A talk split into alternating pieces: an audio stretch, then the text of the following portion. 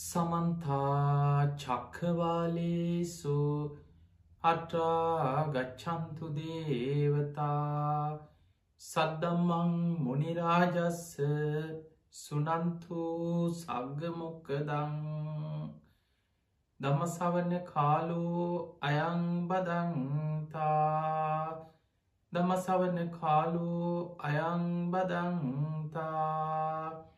නමසවන කාලෝ අයංබදන්තා නමුතස්ස භගවතු වරහතු සම්මා සම්බුද්ධස්ස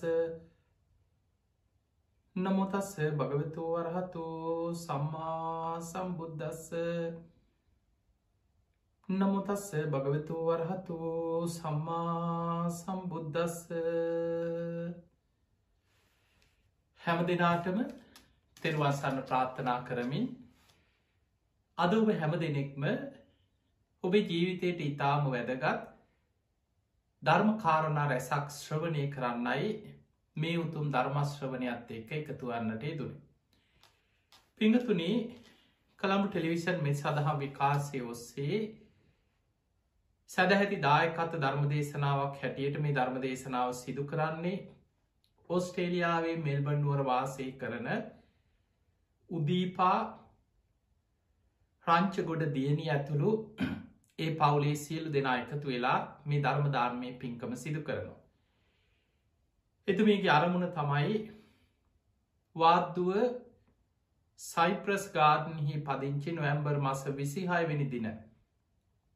හැත්තෑ තුන්වැනි ජන්මදිනය සමරණ ආරිය රත්න රංචකොඩ පියාණන්ට ඒවගේම කුසුමා කයිකාවල මෑණියන්ට තමන්ගේ දෙමාපියන්ට නිදුක් නීරෝගී සම්පත්තිය තුනුරුවන්ගේ ආශිර්වාදය දීර්ගායු සම්පත්තිය සැලසේවා කියන උතුම් ආශිර්වාද ප්‍රාර්ථනාවෙන් මේ ධර්මදානමය පින්කම සිදු කරන්නට ඒදේ.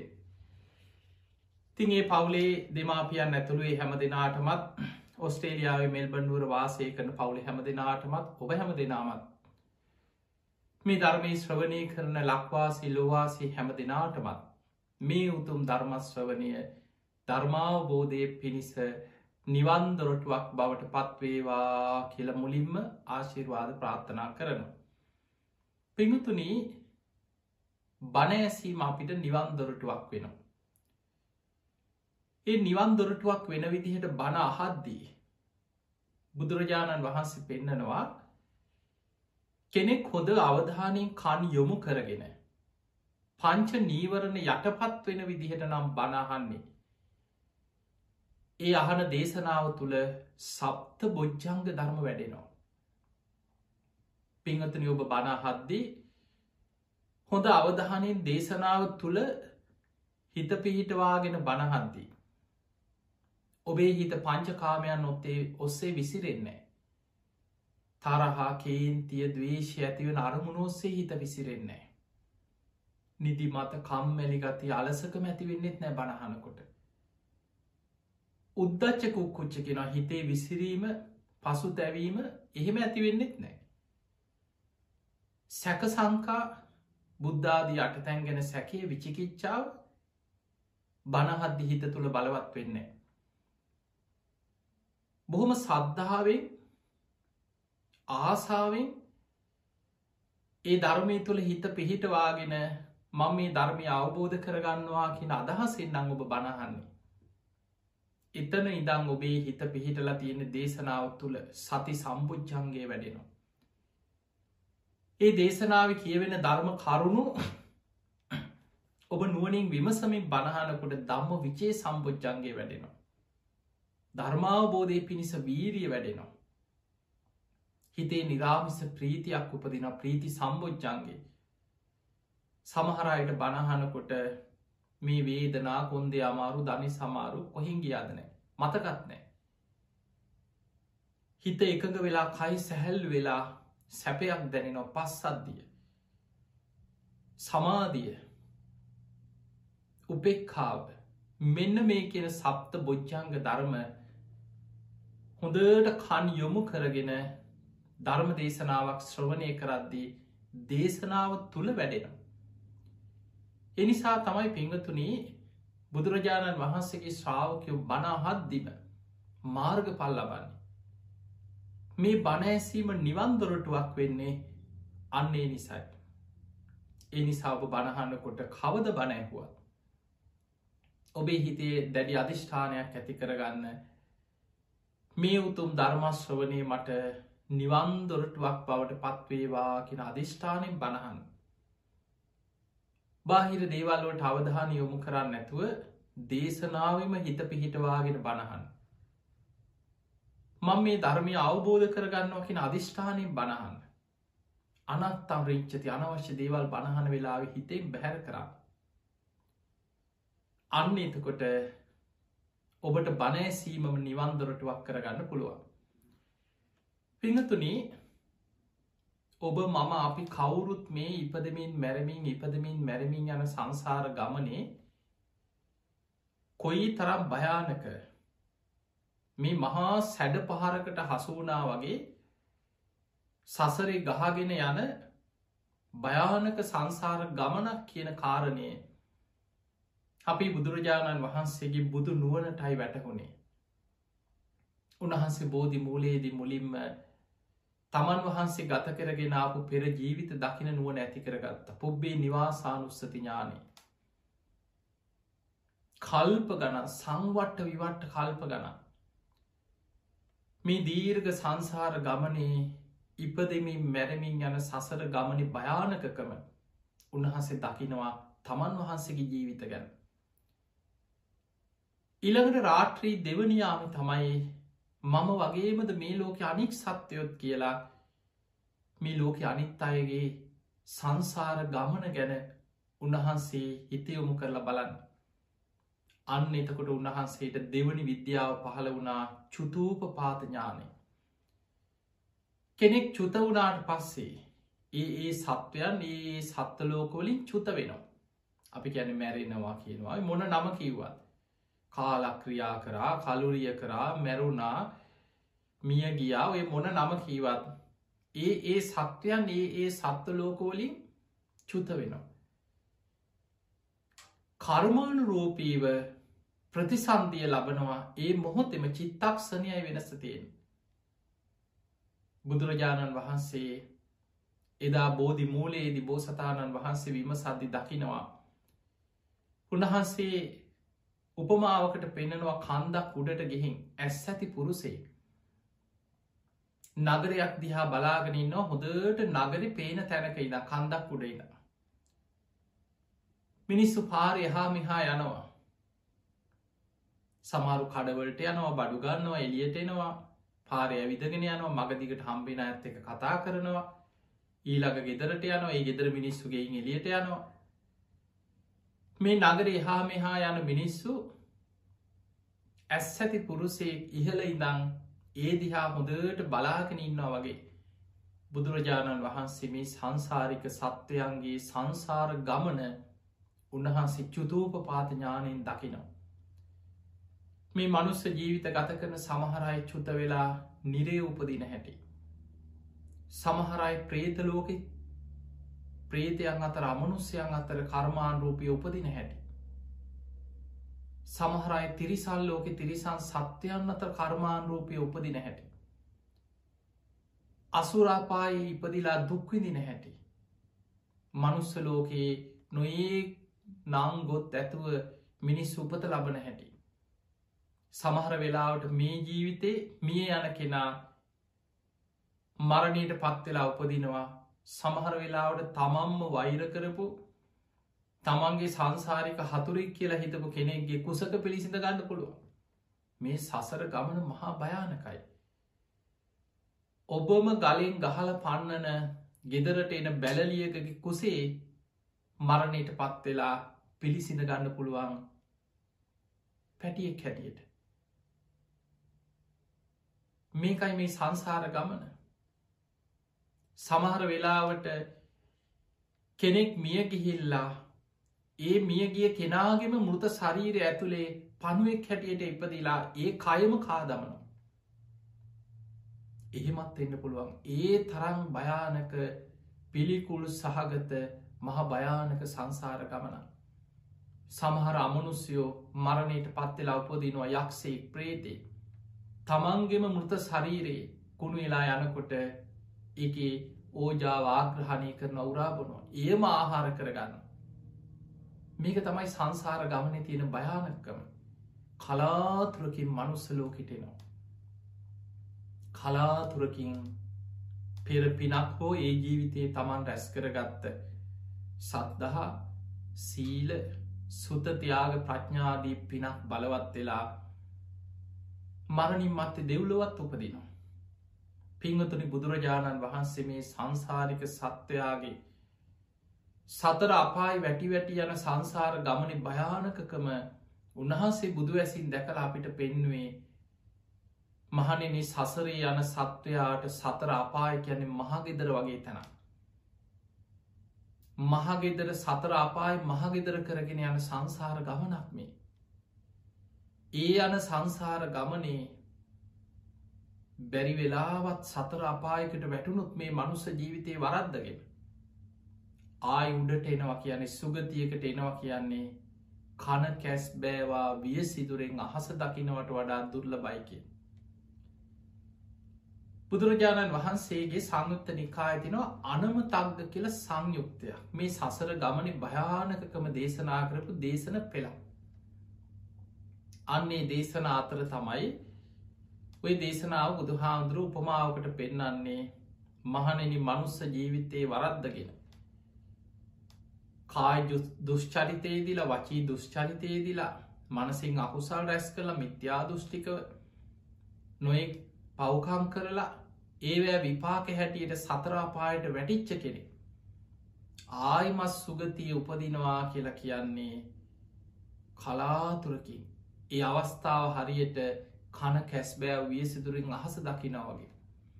මේක බුදුහාමුදුරු අපි මේ උපමාව ගොඩක් හොඳින් තේරුම් ගත්තොත් අපට මේ සංසාර ගමන භයානකකම දකින්න පුළුවන්.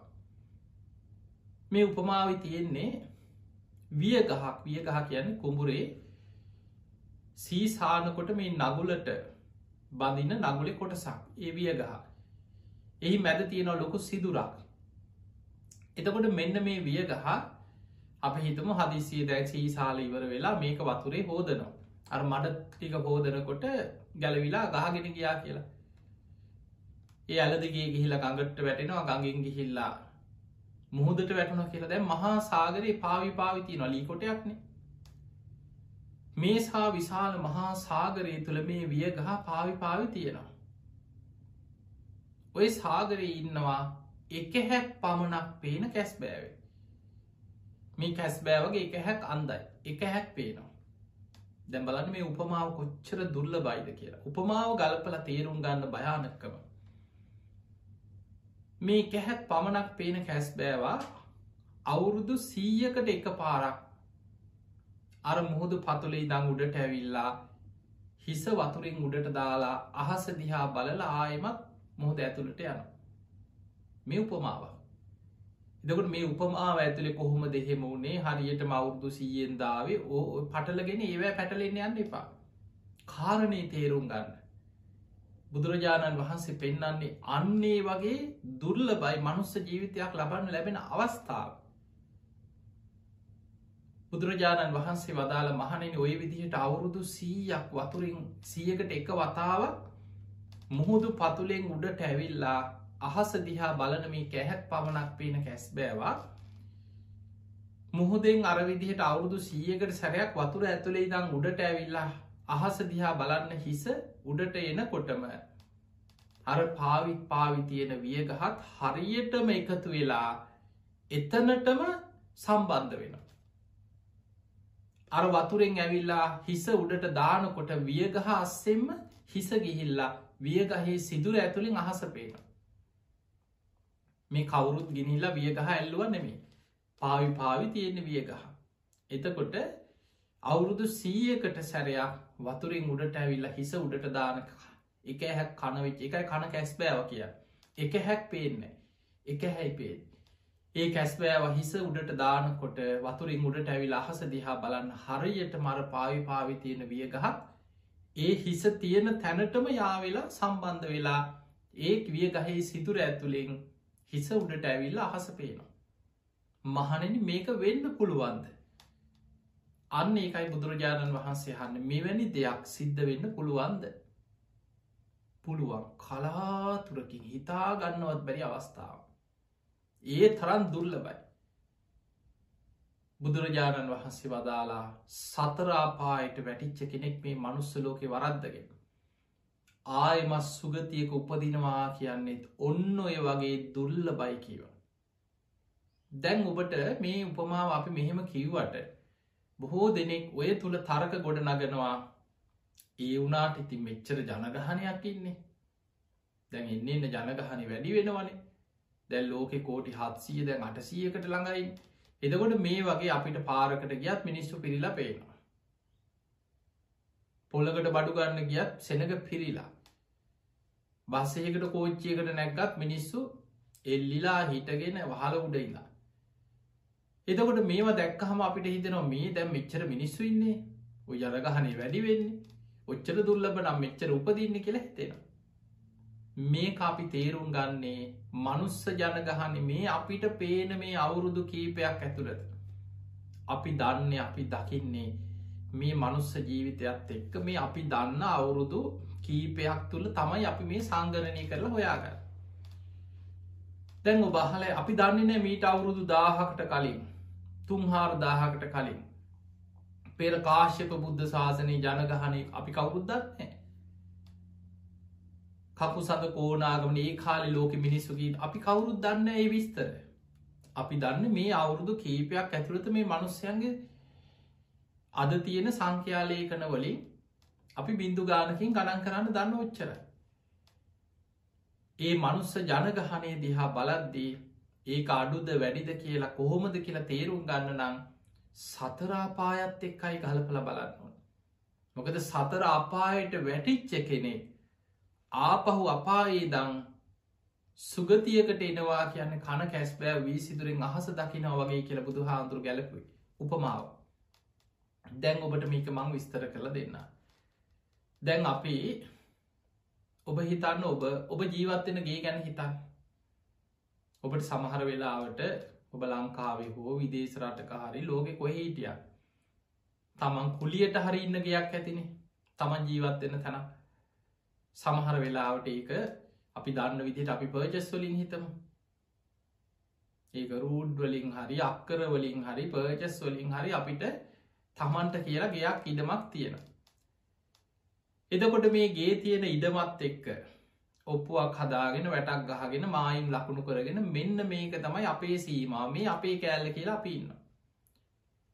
දැන් ඔබ හිතන්න මේ අපේ සීමාව අපේ කොටස අපේ ඉඩමේ මනුස්ස ජීවිත ලබල කී දෙනෙක් ඉන්නවද කියලා ඔබම හිතෙන් ගණන් කළ බලන්න ඔබ ජීවත්වෙන තැන සමහර වෙලාවට ඔබ විවාහ කෙනෙක් නව බේ බිනිද දරුව ඉන්නවන දරුව සමට වයිසක අම්ම තාත්තත් ඔබ ළඟ ඉන්නවන ඒ අය ඥාතීන් ඉන්නවන ගෙදරක හත්තට දෙනෙක් අපි වැඩිපුරත් එක්ක හිතම. දහ දෙනෙක් ඉන්නවා කියලා හිතම නිකං අපි. මනුස්ස ලෝක ඉපදිච්ච මනුස්්‍යය හැටියට එක ගෙදරක දහ දෙනෙක් ඉන්න අපිතම යාට අක්කර භාගයක් ඉතර තියෙන ගයක් කියලා ඉඩමක් එක් වත්තත් එක තින අක්කර භාගයක් ගෙදර. තැන් දහ දෙනෙක් ඉන්නවා මේ ගෙදර. දැන් ඔබට පුළුවන් ඔය සීමාව තුළ අපිට පේනෙ දැයි සතරාපාය කියලා ගත්තහම් පෙන්වතුනි අපිට පේන්නේ ඇහැට තිරිසං අපාය සත්තු ටිකක් විතරයි.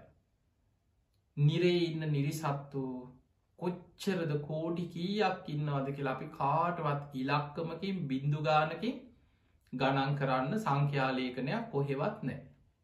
ඒ අපේ පියවි ඇහෙන් දකින සීමාව ඉක්මවාගේ තැන.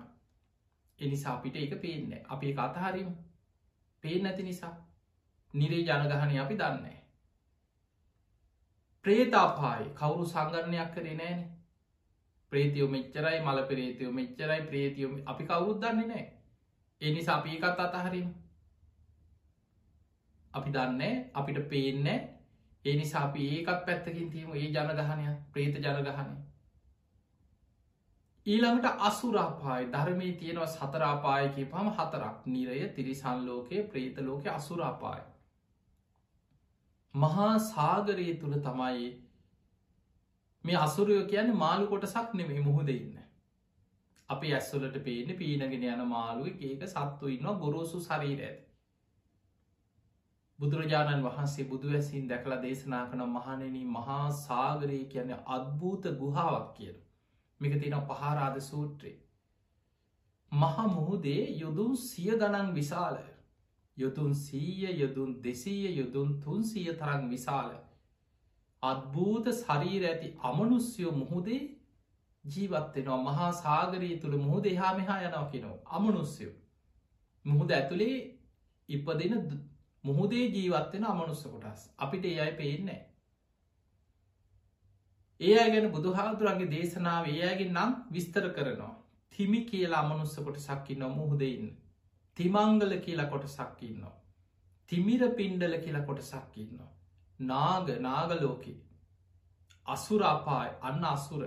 ගහන්දරව කියලා කොට සක්කින්න තිමි තිමංගල තිමිර පින්ඩල නාග අසුර ගහන්දරු එතකොට මේ කියන අය මහා මුහුදෙයි නාමනුස්ස වර්ග. අපිට ඒ කවුරුවත් පේන්නේ අපි අසුර අපායත් පැත්තක තිීම අපිට පේන්නේ ඒනත් දැන් සතර අපායෙන් හතරෙන් තුනක්ම අයින් කර. නිරේ පේනෙත් නෑ දන්නෙත් නෑ කොච්චරක් ඉන්නවද. ප්‍රේත ලෝක අමනුස්ස ලෝක දන්නෙත් නෑ ගණන් කරගන්න. අපි එකත් පැත්තක තියමු. ඊළඟට අසුරාපායත් අයින් කර. එහෙනම් අපිට අන්තං හරි පේන්නේ තිරිසං අපාය විතරයි. නමුත් පිංහතුනී ඔබටවත් මටවත් තිරිසන් සත්‍යයෝ අපි තිරිසන් සතුන් ගැන මෙන්න මේ කරණීමිත සූට්‍ර විග්‍රහයි හිතන් කරණීමිත සූට්‍රය ඔබ කවුරුත් දන්නවා. මෛත්‍රිය ගැන බුදුරජාණන් වහන්සේ දේශනා කරපු බොහෝම බලවත් ආරක්ෂිත ගාථා පෙලා අපි තුන් සූට්‍ර කියනකොට බොහෝ දෙනෙක් බෞද්ධයෙක් නම් කරණීවිත සූට්‍රය හල ඇති.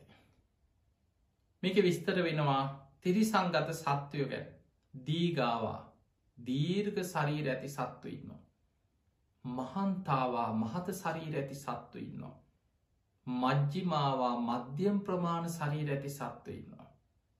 රස්ස කුඩා සත්තු ඉන්න පුංචි පුංචි සත්වවර්ග. අනුක කුඩා සතුන් අතරත් ඇහැට නොපෙනෙන තරම් සියුම් සත්තු ඉන්න ඒ අටිකෙනවා අනුක. ඇහැට පේන්නේ එකන අමනුස් නෙමේ තිරිසන් සත්තු. ඔය සුද්ඩ ජීවීන් හැටියට හරි අදාපි අන්වීක්සෙන් බලල කියන්නේ මෙන්න මෙහෙම ඉන්නවා කිය සත්තු. පියවිය හැට පේ නෑ තරම් පුංචි. ඒ තිරිසංගත සත්ව කොටසක්. අනුක කියන්නේ ඒ අයට.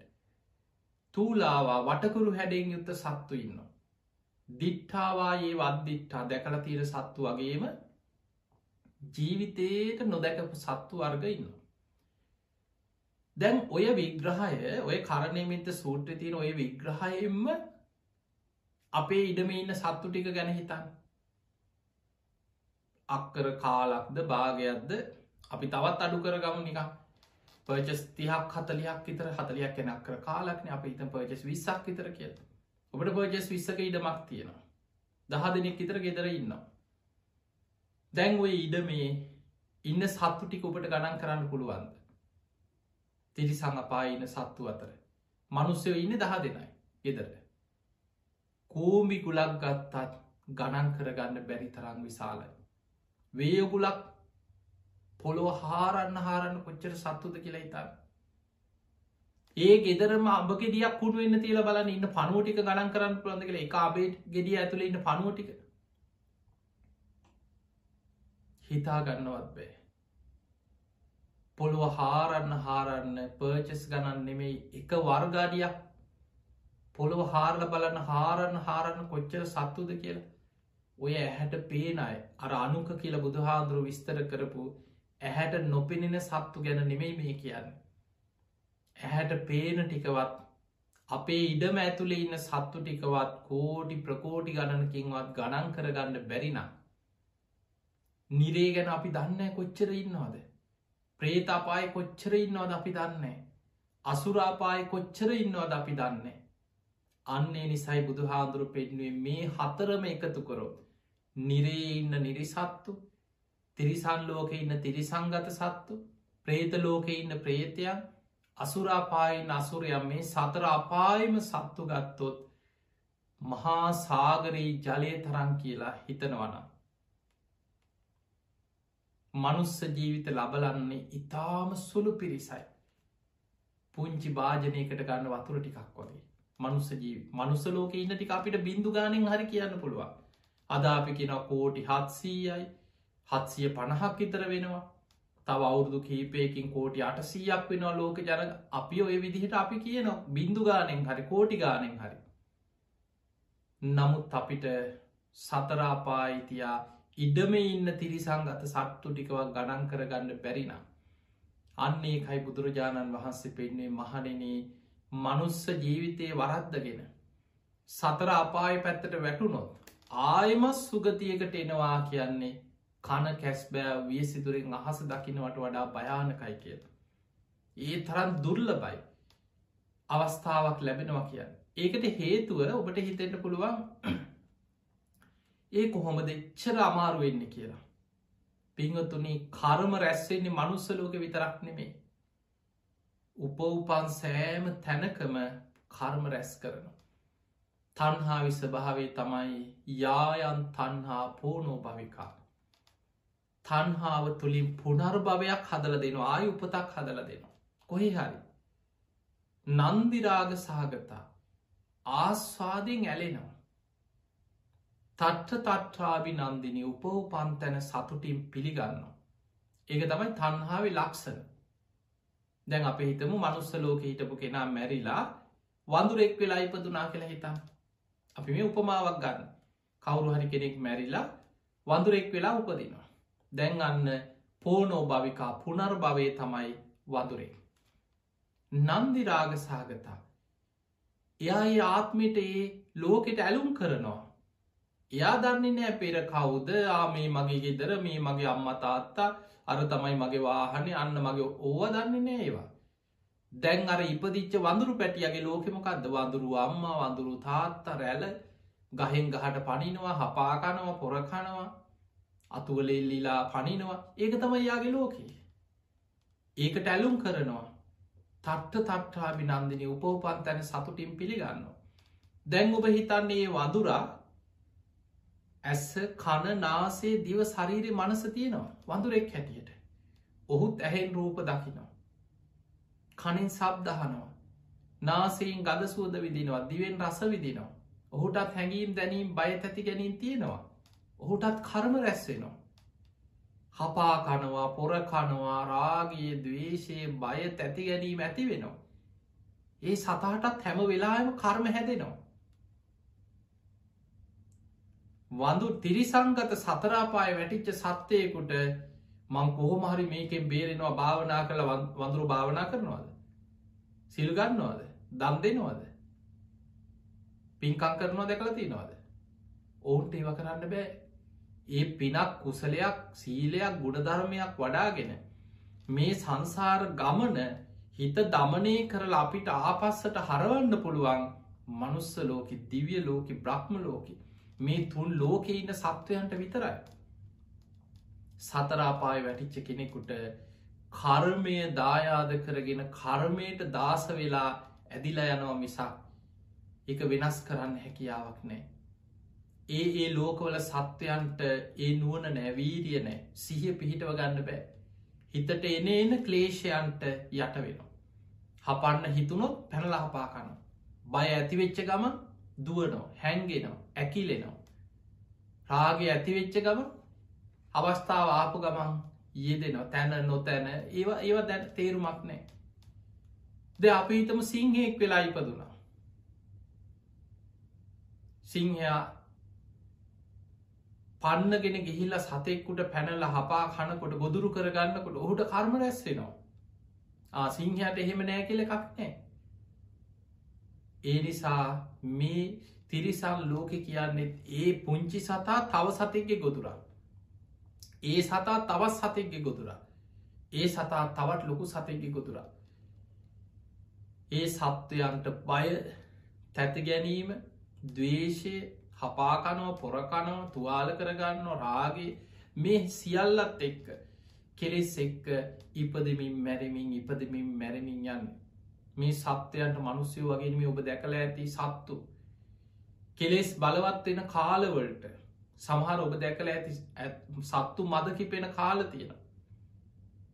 අලි ඇත්තු ගැට ගහල බැඳල තිබ්බත් කොච්චර දරුණු වෙනවාද කියලා හිතන්න මොන තරන් කීකරුම සතා වනත් ඒ කාලෙ වෙනකොට තමන්ට තමන්ව පාලනය කරගන්න බැරුව මහා දරුණු කෙනෙක් බවට පත්වෙන කෙලෙස් වලින් ඒ තරම් පීඩා විදිනවා ඒ සත්වය ඒ නිසා උපවපන් හැම තැනම තන්හාාව නිසා විද්‍යාව නිසා කර්මය රැස් කර කර ඒ ඒ කර්මොකද ඒ ලෝකවල තිරිසං අපාය හරි ප්‍රේත ලෝකෙ හරි නිරේ හරි අසුර අපාය හරි පින්කිරීමක් කුසල් වැඩීමක් සීල සමාධි ප්‍රඥා වැඩීමක් නෑ.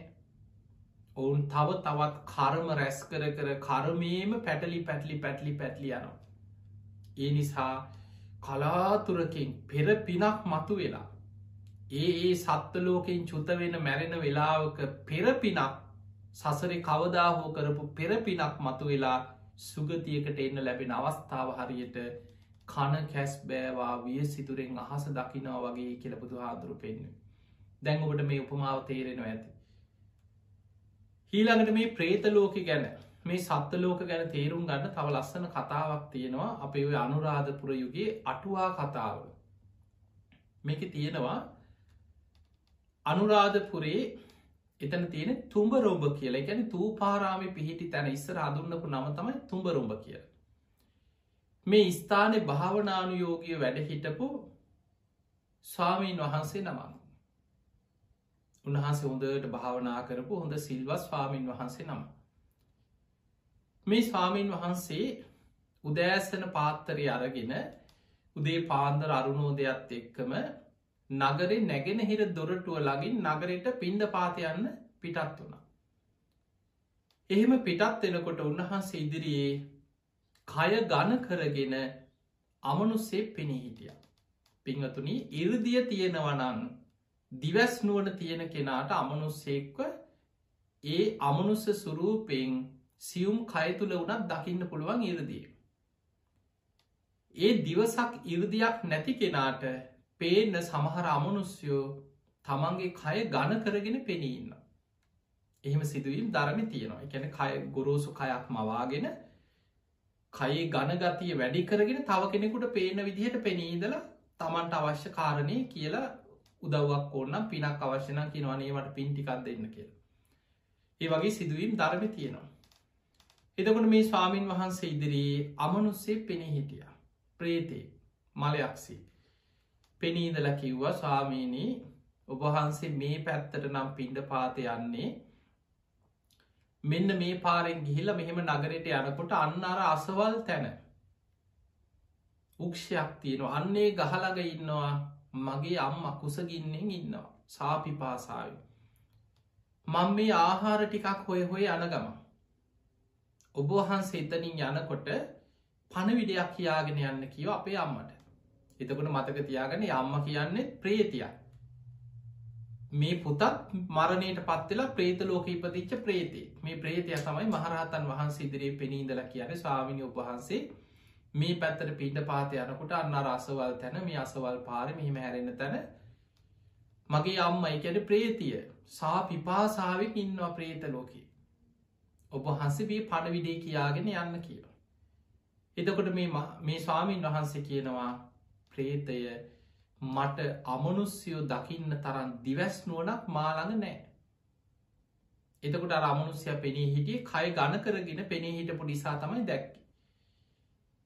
ඒ වෙලාවෙ සැනින් මේ අමනුස්්‍ය අතුරු දහන් වෙලා ගිහිල්ලා බෙහෙත් මුල් කෑල්ල කරගෙනාව. ඒ කාල තිබිලතින යම් කිසි අවෂ්‍යදිය බෙහෙත් මුල්ලක් මොකක් හෝ මේ කාරගෙන ඇවිල්ල දුන්න ස්වාමීනි මෙන්න මේ බෙහෙත් මුල ඔබහන්සේ අල්ලට අරගෙන අල්ලෙ තද කරගන්න. ඔබහන්සේට ඒ බෙහෙත් ඒ මුලේ ශක්තිය ඒ අවෂධිය බලය තියෙන තාක්කල් ඔබහන්සේට ඒ බලයෙන් ඔබහන්සේට මේ පරිසරයෙන් අමනුස්්‍යය පේනවා. ඔබහන්සේ මේ මුල අල්ල තියා අල්ලට අරගෙන අතේ තියාගෙන ගිහිල්ල ඒ පැත්තෙන් යන ගම පණවිඩේ කියාගෙන යන්න කියලා මේ ප්‍රේතය පණවිඩෙක් කියලා අතුරු දහන්නුනා. දැන් අර ස්වාමීන් වහන්සේ මේ කැලෑ පාරකින් උන්වහන්සේ උදේ පාන්දර නගරයට පින්ඩ පාත යන්න. හැබැයි උන්වහන්සේට මේ දේශනාව තියෙනවා අර මුල් කෑල්ල අතට ගත්තට පස්සේ අල්ලට තියලා තද කරගන්නකොට උන්වහන්සේට අර පරිසරයේ පුරායින් අමනුස්්‍යයෝ පේන්න ගත්තා හැම්ම තැනම මහා ජන කන්දරාවක් අතරෙන් සෙනග පීරගෙන යනවා වගේ තමයි කියෙන උන්වහන්සේට දැනුනේ වෙලා ඒ යන ගමන පින්ඩ උදේ පාදර යන ටික මහා ජන කන්දරාවක් මැද්දෙන්. ඔබ හිතන්න විශාල පිරිසක් සෙනග පිරිච්ච තැනක අස්සෙන් අස්සෙන් රිංගගෙන යනවා වගේ උන්වහන්සේට තේරුණා. ඒ තරම් අමනුස්්‍යයෝ ප්‍රේතියෝ පිරිලමේ පරිසරේ. උන්වහන්සේ කොහොම හරි ඒ කියපු පාරදිගේ ගිහිල්ලා ඒ ගහලකට ගිහිල්ලර ප්‍රේතියව කියපු ලක්ෂණවලින් හොයාගත්තා. ගිහිල්ල කිවා ප්‍රේතිය ඔබේ පුතා මට හම්බුණා තුම්බරොම්ඹ නැගෙන හිර දොරටුව ළඟදී. ඔබට පණවිඩයක් කියන්න කිවා කියලා පණවිඩේ කිව්වා. ඒ වෙලා මේ ප්‍රේතිය ඇහවා ස්වාමීණී ඔබහන්සේ කොහොමද මේසා විශාල?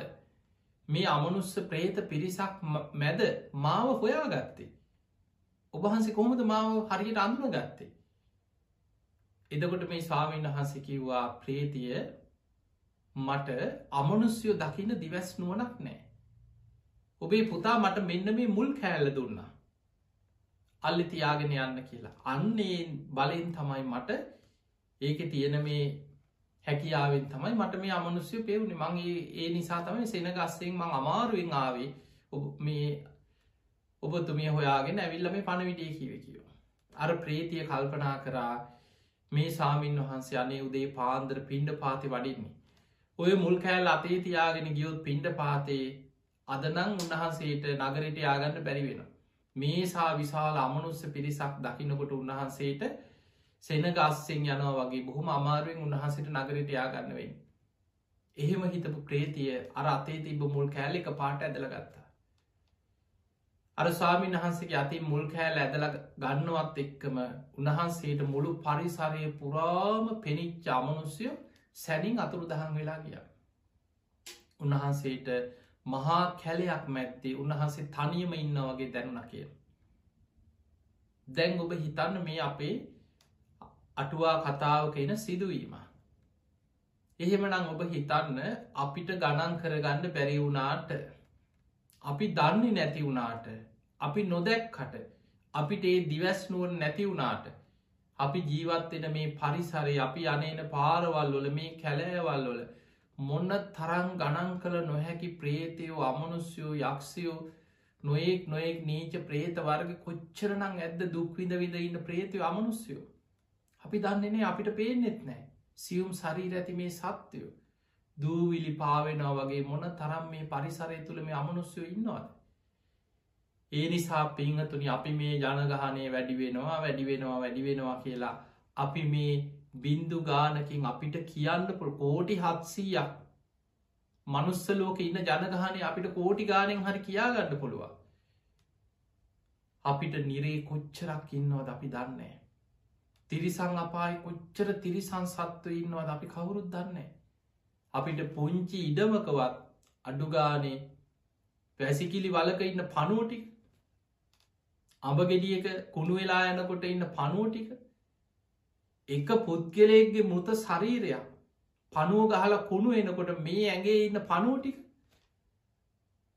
කෝටි ප්‍රකෝටි ගණනකින්වත් ගණනය කරගන්න බැරි තරම් මේ සත්ව ලෝකයක තමයි මේ සත්වයන් අතරින් අපි මොකා හරි සංසාර පිනකට මනුස්ස ජීවිතයක් ලබලයින්. පිංහතුනී මේ දේශනාව ඔස්සේම ඔබ හිතන්. කොච්චර දුර්ලබ මනුස්ස ජීවිතයක්ද මට මේ ලැබුණේ. බොහෝ දෙනෙකුට මනුස්ස ජීවිතය වටිනාකම තේරෙන්නේ. දැනෙන්නේ.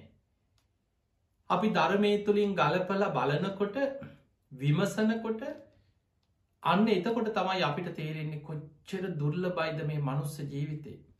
ගෙවෙන හැම දවසක් හැම රැයක් හැම දවාලක්ම මොන තරං ජීවිතේ වටිනා වෙලාවක්න මේ අපි ගෙවාදාන්න. ඒ නිසා පෙංහතුනී බුදුරජාණන් වහන්සේ එකයි අපිට පෙන්වේ. මහනෙන මේ සංසාර ගමන භයානකකම බුදු කෙනෙක් තරම් මේ ලෝකෙ මිනිස්සු දන්නව නම් හිසගිනි ගත්ත කෙනෙ ගින්න නිවන්න මහන්ස්වීනවා වගේ.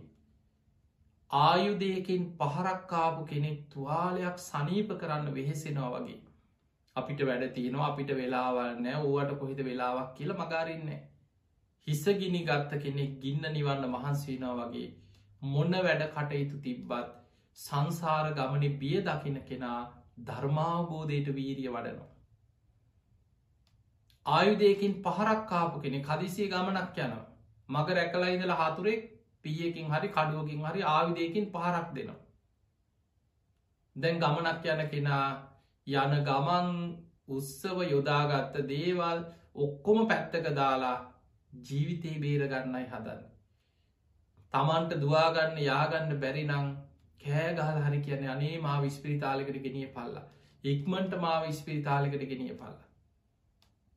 අනිත් වැඩ ඔක්කොම පැත්තක තියලා ජීවිතේ බේරගන්න උත්සාහ කරන. බුදුරජාණන් වහන්සේ වදාළ සංසාර ගමන බය දකින කෙනා. අනිත් සියල්ල පැත්තක තියලා ධර්මාවබෝධයට මහන්සි ගන්නවා මේ සසර ගමනේ බිය දකිනවා නම් එහෙමනම් පිංහතුනි ඔබම ගලපල බලන්න ඔබට හිතෙනවනං බණපොතක් කියවන්න කියපු හම බණක් අහන්න කියපම ඕවට වැඩ තියෙනවා. පස්සි බැරිය ඕවට තව කල් තියෙනවා. ඒ සිතුවිලි ඔබ තුළ එනවනම් සිල් රකින්න. ඕව මේ පස්සෙ කරනය වන්නේ ඌට කල්තීරෝ දැම්බෑ පස්සෙ කරන. අන්නේ සිතුවිලි නං ඔබ තුළ උපදින්නේ. ඔබම හිතන්න ඒ ප්‍රමාදය ඔබ තුළ ඇතිනම් උපදිනවනම් ඔබට සංසාරය ගැන මිලෝ දැනුමක් නෑ ඔබට සතරාපාය ගැන සංසාර ගමන ගැන මනුස්ස ජීවිතය වටිනාකම ගැන ඔබට කිසිම දැනුමක් නැති කෙනෙ මේ ඇස් දෙකට පේන දකින ඇහෙන දේවල් ඔස්සේ ඔබ තීරණ ගන්නවා හිතනවා. ඔබ පංච කාමයන් තුළ මේ අවිද්‍යාවෙන් වැහිච්ච තන්හාාවෙන් බැඳිච්ච මේ ලෝකයේ ඔබ මේ පුංචි දැනුමක් තුළ ඉඳං ඔබ දකින දේවල් තුළින් ඔබ මුලාව කවිද්‍යාවක ජීවත්වෙනවා ඔබට එතනින් එහා ලෝක ගැන දැනුමක් නෑ. වමහා භයානක සංසාර ගමනක හරියට අර කකුළුවා හැලිය රත්වෙනකං දඟල දඟල ඉන්නවා වගේ පංච කාමයන් තුළ සතුටු වෙවී මැරෙන්න්න වැටෙනකං ඉන්නවා. ජීවිත එතනින් පස්සෙ තමන් කවුරුත් නෑ ඔබ වේරගන්න. පිංහතුනි බුදුරජාණන් වහන්සේ පෙන් වෙන්න තම් මාතා පිතා කයිරා. අම්මතාත් අට බේරන්න බෑ. අන්යේ වාපිත ඥාතකා. අන්‍ය වූ නෑදෑයකුට ඥාතියකුට බේරන්නත් බෑ. දැන් ඔබේ අම්ම තාත්තට බේරන්න පුළුවන්ද අපේ ළමයින්ට එහෙම අපා යන්න දෙන්න පුළුවන්ද අපේ උන්ට එහෙම නිරයන්නේ කොහිද අපේ උන් කියලා එහෙම බේරන්න පුළුවන්ද අම්ම තාත්තට තමන්ගේ දරුවෝ කියලා සතරාපායෙන් බේරගන්න බෑ නෑදෑයට ඥාතින්ට බේරන්න පුළුවන්ද? මේ අපේ පරම්පරාවය එහෙම අපා යන්න එව්ව කොහිද කියලා එහෙම බේරන්න පුළුවන්ද? නෑදෑකුට ඥාතියකුට බේරගන්නත් බෑ. එහෙනම් කාටද පුළුවන්? සම්මා පනීහි තංචිත්තා තමන් විසින්ම උත්සාහයෙන් වීරියෙන් ධර්මය හිත පිහිටවා ගත්තොත් සෙය සෝනන් තතෝ කරෝ. ධර්මයට පුළුවන් ඔබෝ ශේෂ්ඨත්වයට පත් කරන්න. එහෙමනං අම්මතාත්තට බෑ සංසාරය අම්මතාත්ත ඔබවා ඔබට යුතුකං ඉෂ්ට කරයි ඔබ හදා වඩා ගනී ඔබ ලොකු මහත් කරයි ඔබට යම් දෙයක් උගන්නයි තමන් සතු මනෝ හරි දේපලක් තියෙනවනල් ලියලදෙයි එච්චරයි. ඒ අයට සංසාර ගමනින් නිදහස් කරවන්න බැදි මවපියන්ට. නෑදෑයන්ට ඥාතියන්ට ඔවුන්ට කරන්න බ කොච්චර යාළුමිට්ටුව හිටියත් ඔවුන්ට බෝ සසර ගමනින් මුදවන්න බෑ. ඔබට මයි පුළුවන් තුම්හේ කිච්චං ආතප්ප මහනෙන ඔබමයි ඔබමයි මේක කර යුත්තේ. අක්කාතාරෝ තතාගතා බුදුරජාණන් වහන්සේලටත් පුළුවන් පාර පෙන්නන්න මඟ පෙන්න්න විතරයි. මතකතියාගන්න බුදුරජාණන් වහන්සේලා කරන්නේ උන්වහන්සේලා මේ විශ්වය ගැන ලෝකයේ ගැන සංසාර ගමන ගැන පරිපූර්ණ අවබෝධයකින් සර්වඥතා ඥානයකින් මේ සියල් අවබෝධයෙන් දැකලා අපිට කියල දෙනවා පෙන්නල දෙනවා මෙන්න මෙහෙම දෙයක් තියෙනවා මේ පාරගියොත් මෙන්න මෙහෙමයි අවසන් වෙන්නේ මේ පාරගියොත් මෙන්න මෙතනට යන්න පුළුවන් මග කියනවා අක්කාතාරෝ තතාගතා තතාගතයන් වහන්සේලා මාර්ගයේ පෙන්න්නනවා විතරයි. බලින් එක් කියන්න බෑ. බලින් නිවනට ගෙනියන්න සසරෙන් මුදුවන්න අපායෙන් බේරන්න බලෙන් ගෙනහිල්ල ප්‍රතිඵල ලබල දෙන්න බෑ. ඒම පුළුවන්නම් බුදුරජාණන් වහන්සේ උන්හසේ දේශනා කරනවා මහනෙන. තතාගතයන් වහන්සේ දේවදත්තගේ හිත තරම් වෙන කිසිම කෙනෙක් දිහා බුදු ඇසි මහා කරුණාවෙන් බලලනෑ අනේ කොහොමද මෙයා බේරගන්න. කොත්තනයින් හරි බේරගන්න පුළුවන් තැනක් මතු කරලා කුසලයක් මතු කරලා ඔහුව බේරගන්න තැනක් තියෙනවද කියලා හැම වෙලාහම ඔහු දිහා බුදු වැසිම් බැලුව කියන. උපමාවකට පෙන්න්නනවා කෙනෙක් අසූචි වලක වැටිලා වලේ ගිලිලා වල ඇතුළට ගිහිල්ලා. කරුණාව ඇති නුව නැති කෙනෙක් මේ වල වටේට කැරකි කැරකි බලනවා කොහෙන් හරි ඇගිල්ලක්කත් උඩට පේනවද. කෙස් ගහක්කත් කොහෙහරි ඇදල ගන්න තැනක් තියෙනවද උඩට මතු කරලා කොතන ඉද ගිලුණේ වටේ ඇවිද ඇවිද බලනවා කොතනින් හරි බේරගන්න පුළුවන්. අන්න ඒ වගේ බුදුරජාණන් වහන්සේ දේවදත්ත දිහා බැලුව කිය. දේවදත්ත කියන්නේ උන්වහන්සේගේ ගිහි කල උන්වහන්සගේ ඥාතිකමෙන් ගත්තොත් මස්සින. යසෝදරාවගේ සහෝදරය පොළොව පලාගෙන අපායි. සුප්‍රබුද්ධ රජ්ජුරු මාමණ්ඩි පොළොව පලාගෙන අපායි. බුදු හාන්දුරු වැඩයින් නැද්දීම සාක්‍ය වන්සිකයෝ විඩූඩ රජ්ජුරු අතින් මැරුම් කෑව හැට දාහක් සාක්‍ය වන්සිකයෝ මේ අපේ නෑයෝ එහෙම පුළුවන්ද කියලා බුදු හාමුදුරන්ටවත් ඒ අයි බේරගන්න බැරි වුණා. තම තමන් වපුරපු දේවල් තම තමන් රැස්කර ගත්ත දේවල් තම තමන් නෙලාගෙන යන සංසාර ගමන. ඒ නිසා හැම වෙලායම තමන් ගැන හිතන්න. අත්තාහි අත්තනෝ නාතෝ කෝහිනාතෝ පරෝසියා මහනෙන තමාට තමාවත් නැති කල්ලි බාහිර අයගෙන් කවරනම් පිළිසරණක්ද. ඒ නිසා හැම වෙලාවිම තමන් තුළින් ධර්මය දියුණු කරගන්න උත්සාහයක් ගන්න ඔබට විතරයි ඔබේ ජීවිතය බේරගන්න පුළුවන්. මේ සංසාර ගමනින් නිදහස් වෙන මාර්ගය බුදුවරුන්ටත් පුළුවන් පාර පෙන්න්න කල්්‍යයාන මිත්‍රේ කැටියට මඟ කියන්න විතරයි. තුම්හෙ කිච්චං ආතප්පං ඔබමයි ඔබමයි මේක කරන්න ඕන. එනිසා මේ බණටික අහලා. යෝනිසෝ මනසිකාරය යෙදීම ඔබ සතු දෙයක්. ඒ අහන ධර්මයට අනුව හැසිරීම දම්මානු දම්ම ප්‍රතිපදාවේදීම තනිකරම ඔබේ දක්ෂතාවය එක තව කෙනෙකුට බලින් කරන්න පුළුවන් දෙයක් නෙමේ. ඒ නිසා දවසින් දවස මොහොතින් මොහොත ෂණයෙන් ෂණය ලැබිච්ච මනුස්ස ජීවිතයේ ගෙවිගෙවී යනවා. අච්චෙන්ති කාලා කාලේ වේගෙන් ගෙවෙනවා. තරයන්ති රත්තියෝ දවල් රෑ දෙක ඉක්මිලා යනවා. වයෝගුණන් අනුකුබ්බන් ජහන්ති සත්වය දවසින් දවස මරණයට යන. ඒ තම් භයම් මරණය පෙක්කමානු. කවදා කොතන කොයි මොහොතේ මොන විදියට හුස්මටිකයයිද අපි කවුරුත් දන්නේ නෑ. මේ ජීවිතයේ සංසාර ගමනේ බය දකින මරණීදිරියේ බය දකින කෙනා අප්‍රමාදීව කුසල් වඩන්න පින් කරගෙන සසරින් මිදෙන මාර්ගයේ සකස් කරගත යුතුයි. ඒ පිණිස් ඔබ හැම දෙනාටම මේ ධර්මාණු ශාසනාව ආශිර්වාදයක් වේවා.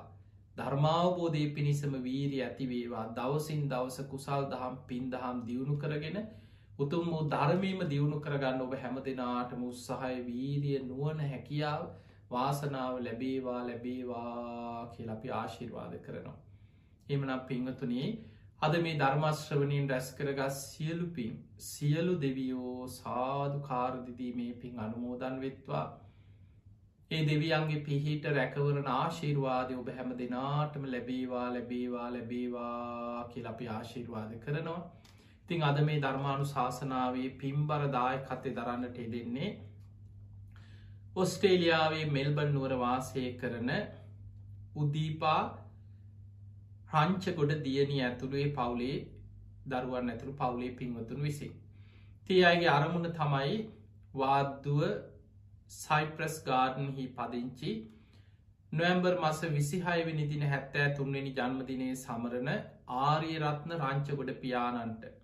නිදුක් නීරෝගී සම්පත්තිය තුරුරුවන්ගේ ආශිර්වාදයේ දීර්ගාවිශම ලැබේවා කියලා ඒ පියාණන්ට ආශිර්වාද කිරීමත්. ඒ වගේම මෑනියන් වන කුසුමා කයිකාවල මෑනියන්ට නිදුක් නීරෝගී සම්පත්තිය තුරුරුවන්ගේ ආශිර්වාදයේ දීර්ගායු සම්පත්තිය උතුම් ධර්මාවබෝධයම ලැබේවා කින ආශිර්වාදයෙන් ආශිර්වාද ප්‍රාර්ථනා කෙරේ. තිං එහෙමනගේ පවුලේ සුජීවත්ව ඉන්න දෙමාපියන් ඇතුළු හැම දෙනාමත් ඔස්ට්‍රේලියාවේ මෙල්බන් නුවර වාසය කරන උදීපා රංචකොඩ දියනිය ඒ පවුලේ සෑම සියලු දෙනා දූදරුවන් ඇතුළු හැම දෙනාමත් නිදුක්වේවා නිරෝගිවේවා සුව පත්තේවා බණහපු බැහැම දෙනාමත් ලක්වාසි ලෝවාසි හැම දෙනාමත් නිදුක්වේවා නිරෝගිවේවා සුව පත්තේවා. හැම දෙනාට මුතුම් ධර්මාවබෝධය පිණිස මේ පින ආශිර්වාදයක් වේවා පාරමිතාවක්ම වේවා වේවා කියලා ආශිර්වාද කරනවා. ඒ වගේ ඔබ නම මේ පරලවගිය පරම්පරාගත සංසාරගත සියලු ඥාති තම තමන් සෙහිපත් කරගන්න මියගේ සියලූම ඥාතීන් සාධ කාර්දිදීමේ පින් අනුමෝදන් වෙත්වා. ඒ අගේ පරලව ජීවිත සැපවත්තේවා සුවපත්තේවා වහවහා සංසාරදුකින් අතමි දේවා කියල සාදු කියලා මිය පරලවගේ ඥාතීන්ටත් පින් දෙන්න එහෙමනං ඔබ හැම දෙනාටමත් කළම් ටෙලිවිෂන් මේ සඳහා විකාශය ඔස්සීමේ ධර්මය ශ්‍රවණය කර හැම දෙනාමත් ඔබ හැම දෙනාමත් නිදුක්වේවා නිරෝගිවේවා සුවපත්තේවා හැම දෙනාට මුතුම් ධර්මය මවබෝධ කරන්න වාසනාව ලැබේවා කියලාශිර්වාද කරනු.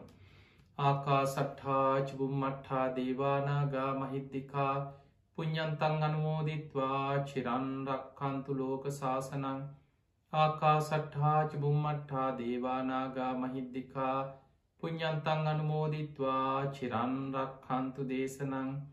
ආකා සට්හාච බුම්මට්හා දේවානාගා මහිද්දිකා පුඤ්ඥන්තන් අනුමෝදිත්වා චිරන්රක් කන්තුතුවං සදා.